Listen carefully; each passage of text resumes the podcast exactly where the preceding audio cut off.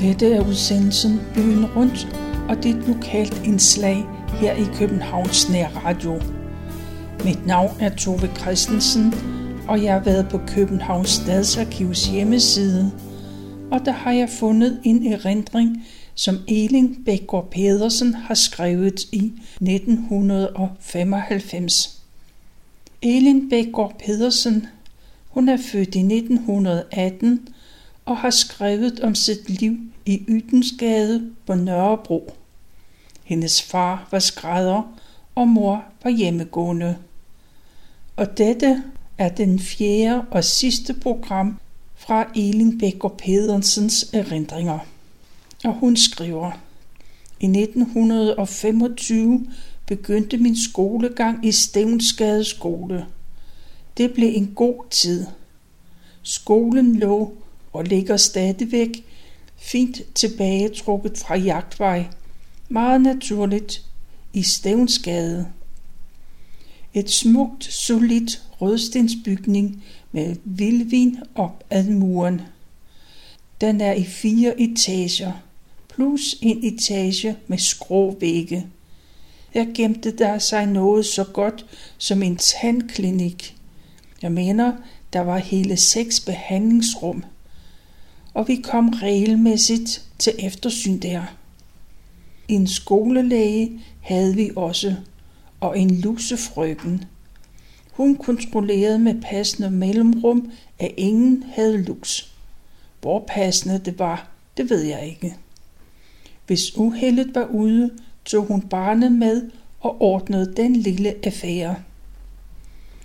I kælderen fandtes en skolekøkken, her kunne de børn, der havde behov for det, melde sig og få et måltid varm mad.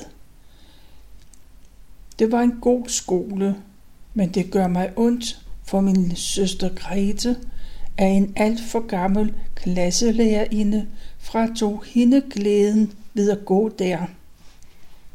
Vi havde også en dejlig badekælder med fodbold og varm og kold bruser. Gymnastik havde vi to gange om ugen. Det var hos frøken Fischer, og så benyttede vi badet.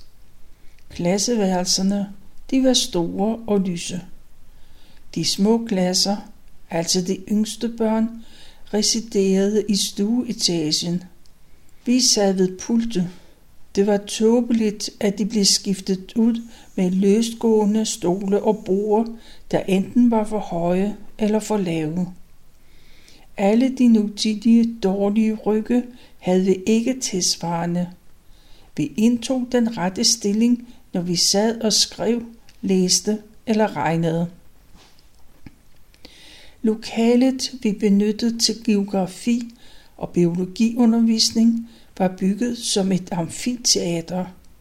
Så kunne alle se de riger og lande på kortet og betragte de som mere eller mindre opsprættede tusser og slanger, der befolkede rummet.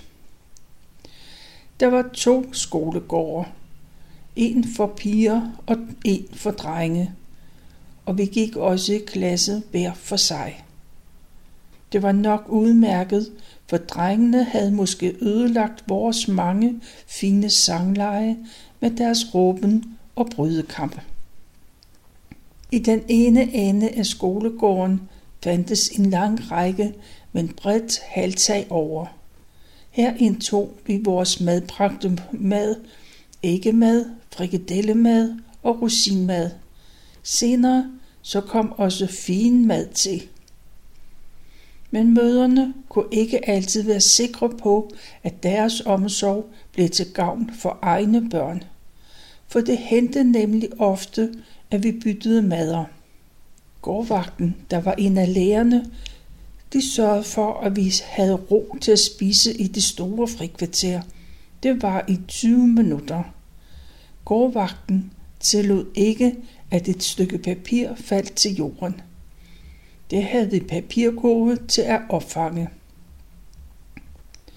På den modsatte side af skolebygningen i gården var der en lav bygning med 8-10 toiletter. At gå i gården skulle vi have tilladelse til, Ellers var det vist også blevet til et værre renderi. Jeg var så heldig, at jeg fik en klasselærerinde, der aldrig gjorde mig ked af at gå i skole. Frøken Prag hed hun. Hun var altid rolig og venlig. Jeg fik et år en fin kinesisk kop af hende i fledspræmie. Det mener jeg nok en anden skulle have haft, for jeg har så uretfærdigt let ved at lære og huske. Flere andre var meget mere flittige, fordi de var nødt til det. Om morgenen skiftes vi i klassen til at vælge morgensalmer. Jeg valgte meget ofte Lysets engel går med glans gennem himmelporte. Den holder jeg stadig meget af. Vi var på et tidspunkt 30-31 børn i klassen. Det var meget almindeligt, men da vi ikke skulle realisere os selv hver især hele tiden, så fik vi faktisk lært at skrive, stave og regne. Men at sætte kommaer, det kniber det vi stadig med. Jeg var nummer et i klassen et par år. Så kom alle ind hos os. Hun var meget dygtig og også en sød pige. Og hun overtog førerstillingen, og det var der ingen, der var misundelig over. Men så begik lærerinden en psykologisk brøler. Hun sagde, nu skal jeg høre de guldkorn, der springer ud af Ellas mund. Og fra den dag synes vi faktisk, at der var noget mærkeligt ved Ellas mund. Vi havde også dejlige skoleudflugter om sommeren. Det gik til skoven. I min buktanærkasse havde jeg en madkasse, en rød sodavand og en 10 øre. Vi badede om sommeren, som så mange andre skolebørn på Helgolands badeanstalt. Men jeg havde ofte en sadel med i skolen. Den fritog mig for at bade, for far synes, at det var noget griseri at bade derude. Min sidekammerat Gurli Hansen var også noget, jeg kunne glæde mig over hver dag i skolen. Hun var sød og ren, og vi hjalp altid hinanden. Da vi var 11 år, dansede vi hver eftermiddag efter skoletid på Hotel d'Angleterre et fint lille balletstykke, der var komponeret til lejligheden af vores eminente danselærerinde Maggie Hulstrøm. Hun var gift med den så dygtige danselærer Karl G.V. Carlsen. Der var 117 danselærere, men der var kun én Carlsen. Vi blev hentet efter skoletid og kørt til Dangleterre i taxa eller lille bil. Når vi holdt ved kantstenen foran hotellet, så blev døren åbnet for os, og vi trippede ind i hotellet. Her blev vi til en prinsesse og hendes page og dansede på vores togspidssko.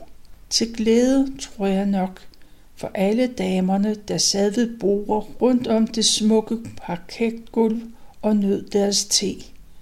Det gjorde vi en hel måned, det var en mægtig god reklame for vores danseskole. Og når vi havde klædt om igen og fremstod som det vi var, og så kom vores belønning. Alt den chokolade vi kunne drikke, og en kæmpe stor otello lavkagebolle og det var i dangletær kvalitet. Jeg kom i mellemskolen og fik også her en fin klasselærerinde, frøken Bren, hun lærte os engelsk ved at instudere små skuespil med os. Men vi kunne ikke forstå, at en så gammel dame havde været Danmarks mester i tennis på et tidspunkt. Hun var nok mindst 25 år, så alt er relativt.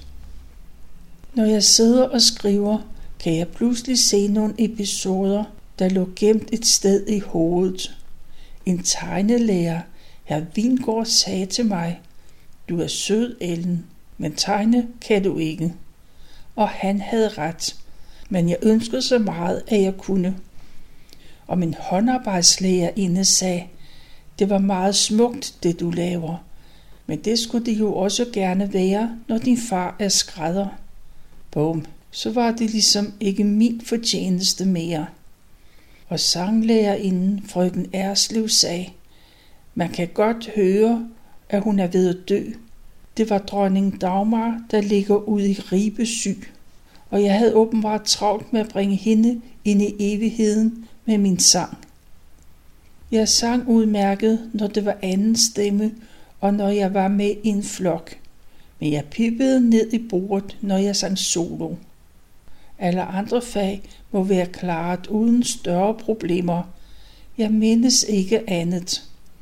Og min karakterbog tyder på det samme. Det vil blive for langt at beskrive alle de gode og irriterende oplevelser, jeg havde i skolen. Eller om de fine kammerater, jeg delte timerne med.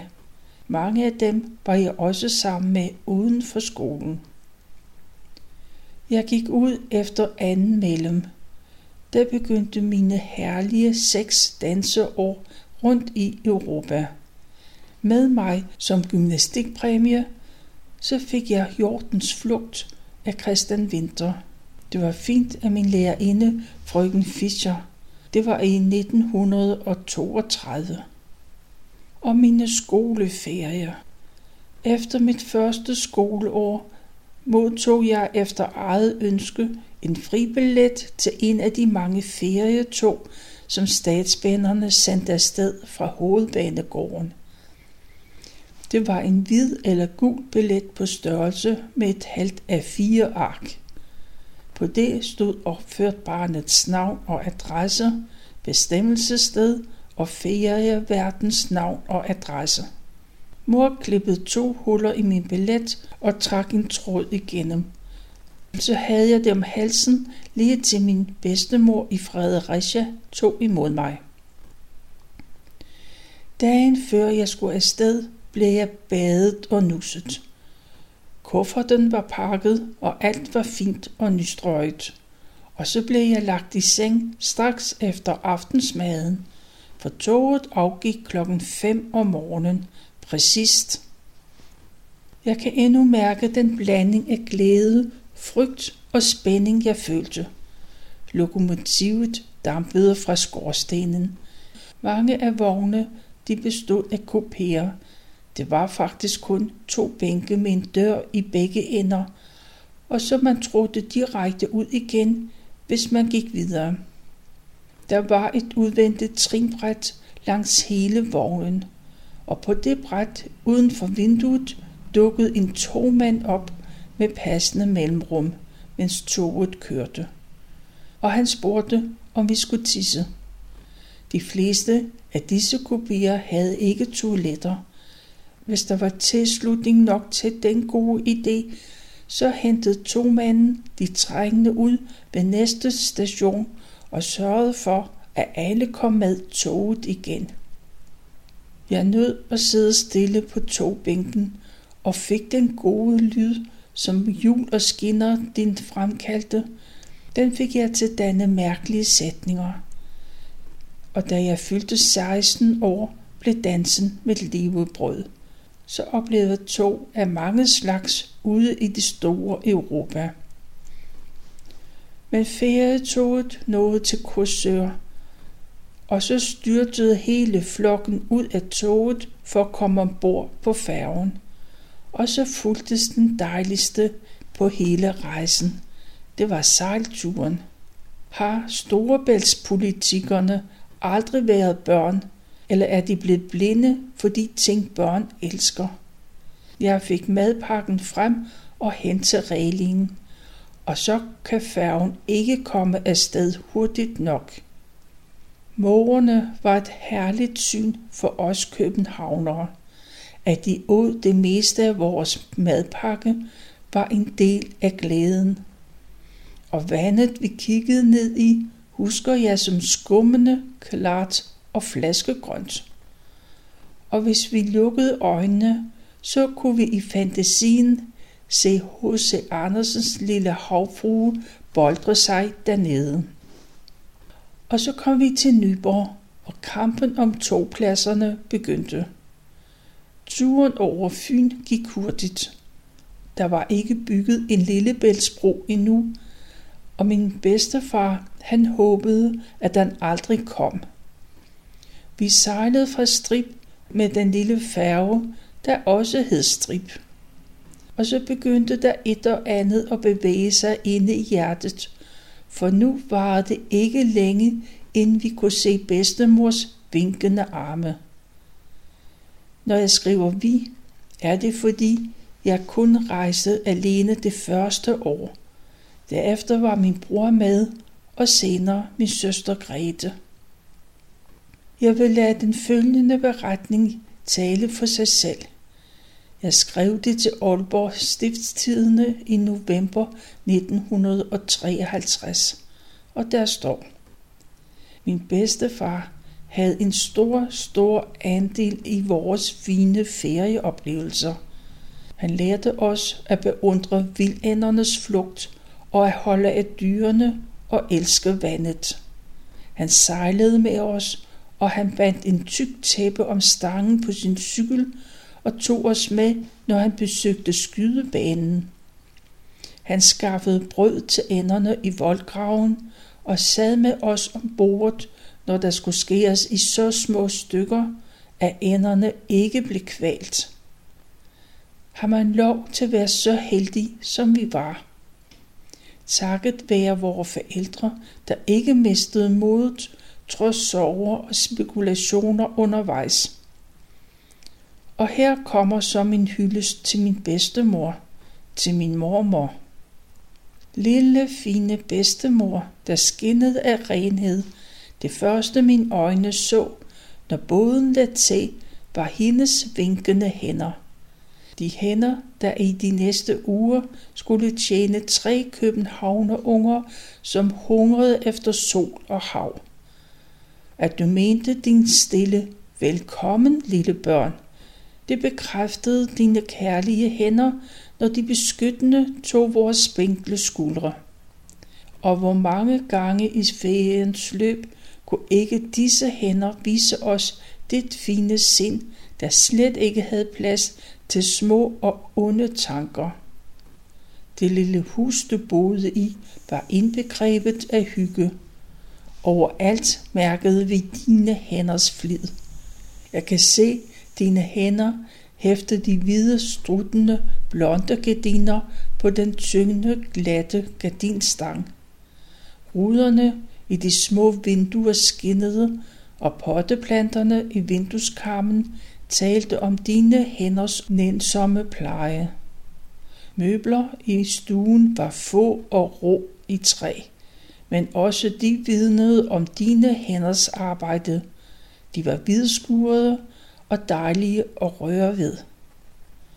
Og hvor var det godt at betragte dine hænder, når du gik omkring i den lille velholdte køkken. Jeg kan huske en lille bitte blomstret flødekande. Den stod i tallerkenrækken og blev brugt som opbevaringssted for mønter. Hvor udtryksfulde var dine hænder, når du skulle have fat i en mønt. Den højre pegefinger stak ned i den lille kande, og mens den langsomt, næsten andægtigt, trak en 25 op langs kantens inderside. Du fortalte den, at du forstod møntens værdi, og dine hænder kendte hårdt arbejde for at fremskaffe det fornødne, og at man ikke sådan tjusker med pengene. Skulle jeg have mønter med for at betale hos købmanden, lagde du dem midt i min håndflade og lukkede mine fingre sammen om den med et lille formanende tryk. Dine hænder, bedstemor. Du gjorde ferierne meget vidunderlige med dem. Du kunne have forbudt os mange munter leg, og derved forskåne dine hænder for timers slid med snavset og forrevet tøj. Du kan have løftet en formanende pegefinger, når vi løb ud for at lege om morgenen, og i stedet for tålmodigt at vaske og sy om os, når vi var kommet i seng. Du kunne alting med de hænder. Når vi pludselig fandt på, at nu vil vi fiske, så tryllede dine hænder de herligste fiskestænger frem af pinde, snor, sten og hægter. Jeg kunne se dine hænder gøre frokosten klar til os. Frokosten, der skulle gøre fisketuren mere spændende. Nænsomt, men hurtigt lagde hænderne frokosten ned i kurven, for vi var altid utålmodige. Hvad gjorde det så, at tre trætte små fisker vendte hjem uden fangst? Jeg kan mærke dine hænder, når de gav os det hvide, stivede kjoler på på 6. juli-dagen. De hænder kunne tage på tøjet uden at krølle det. De kunne vende os blidt, når hægterne bagpå skulle lukkes, og når de afsluttede påklædningen. Du gav os en masse små blomsterbuketter i favn, som dine hænder på ubegribelig vis havde fundet tid til at binde. Og så spacerede vi stolte ved din side. Ikke en eneste soldatergrav blev glemt, og når den sidste buket var lagt, så gik vi på voldsgrundingen. Her bredte dine hænder omhyggeligt et tæppe ud, for i dag måtte kjolerne ikke snavses til, og så sad vi og lyttede til musikken ved landsoldaten. Jeg ved også om dine hænders arbejde, da bedstefar mistede båden og garn i en storm.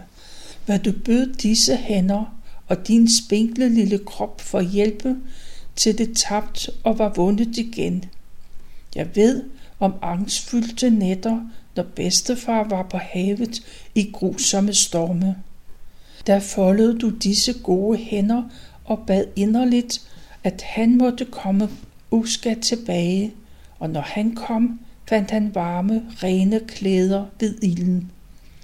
Og du strøg ham om håret og klappede hans hånd, der var bakket og brun. Og han, der selv var hærdet af arbejde og nætters kamp ved havet, kunne græde af lykke over dine hænders omsorg. Min sidste erindring om dig, fine lille bedstemor, blev som min første erindring. Det var dine vinkende hænder. Du stod på et hospitalstrappe, stille og beskedent, som bad du om for meget. Så spurgte du, om vi snart kom igen. Men sorgen over, at du ikke mere måtte bruge dine flittige hænder, kunne du ikke skjule. Du vinkede til os, til vi forsvandt for foden af trappen, og det fandt os så svært at forlade dig. Da du døde kort efter, klappede din gamle læge, der kendte dig så godt, og han vidste om alt det gode, du havde udrettet. Han klappede dine hænder og sagde det, som vi alle måtte føle. I har arbejdet hårdt og altid kun ville det bedste. Ingen fortjener som I at hvile nu. Og denne avisartikel er underskrevet Elin. Og hun fortsætter. Min bror Ejler, han døde som ni-årig af en sprængt blindtarm. Der fandtes jo ikke penicillin dengang. Og jeg elskede ham så højt. Han var så omsorgsfuld over for mig. Selvom jeg ikke kan huske min reaktion, for måske har jeg fortrængt den, så har den nok været ret voldsom. Og så mener jeg, at mine forældre ville foretage sig noget. Og de sendte mig på danseskole for at hjælpe mig over sorgen. Det var ikke det, de normalt ville bruge penge på i svære tider. Men min mor fulgte mig til Clara Raffels hus på Østerbrogade til Karl G. V. Carlsens danseskole. Stående ved den grønne, lakskinnende dør, begyndte jeg at græde, og det fortsatte jeg med, til danselægeren tog mig ved hånden og førte mig ud på dansegulvet og dansede med mig. Og så dansede jeg bare. Jeg var fire år, så det, der manglede i talent, når der var tale om sang tegning, det kunne jeg åbenbart i benene. Kort og godt. Mor blev opfordret til at sende mig til ballet hos Maggie Hulstrøm, der var danselærer indens kone. Og hvis de måtte benytte sig af mine evner til at hjælpe andre hold, så skulle mor ikke betale for det. Og sådan begyndte en dejlig tid. Maggie Hulstrøm var utrolig dygtig til at instruere alle former for dans. Når Metropolbiografen på strøget viste Frida Stær film, så sad vi mange timer og studerede dansen. Som Kit og Kat dansede vi, min senere danserpartnerske og jeg, i arena i Tivoli til Københavneraftener. I flere år levede Carlsens danseskole underholdning nytårsaften på Dagnatager, og jeg havde flere solodanse der. Og i 1930 ønskede en lille baronsøn at få ene timer i dans. Det kom til at foregå på Hotel Phoenix i Bredgade, og det blev mig, der blev hans danserpartner, for jeg passede i højden. Han fortalte mig, at han havde set Anna Lassen, da hun blev båret ud af ambulancen. Vores store kongelige solodanserinde havde taget sit eget liv. Maggie Hulstrøm, hun kunne bare det hele, så hun satte et dansenummer sammen, der både var akrobatisk og ballet, og det optrådte vi med i Circus Schumann. Vi var der et stykke tid, og vores kontrakt det blev forlænget, og i seks dejlige år, så dansede vi på de bedste scener i Europa. Minder i forbindelse med dansen er ikke altid gode. For i februar 1928 deltog jeg i en dilettantforestilling på hotellet i Stenlille, og det var en dejlig og positiv oplevelse. Den, der gjorde mest til, at hele forestillingen overhovedet kom på benene, og det blev vellykket, det var Lulu, altså Ludvig. Det var vores nabo i Ydensgade, fru Simonsens bror. Han var et kreativt menneske, men noget, der altid vil dominere mine minder om disse gode dage hos familien i Stenlille. Det var Lulu, hans kone Else og sønnerne Arne og Jørgen. Det skete kort efter vores optræden. Den ældste søn Arne stod i vejkanten og ventede på familien. Så kørte hans far med moren og hans toårige bror Jørgen ind i et tog i en ubevogtet jernbaneoverskæring ved Stenlille. Alle tre mistede livet. Da vores naboer i København erfarede, hvad der var sket med de tre familiemedlemmer i Stenlille, så blev herr Simonsen syg og døde af et hjertetilfælde. Og fru Simonsen, hun mistede på et døgn fire familiemedlemmer. Det var et meget stort savn, også for beboerne i Ydensgade, som holdt meget af den altid så glade familie. Og så er det min første cykel.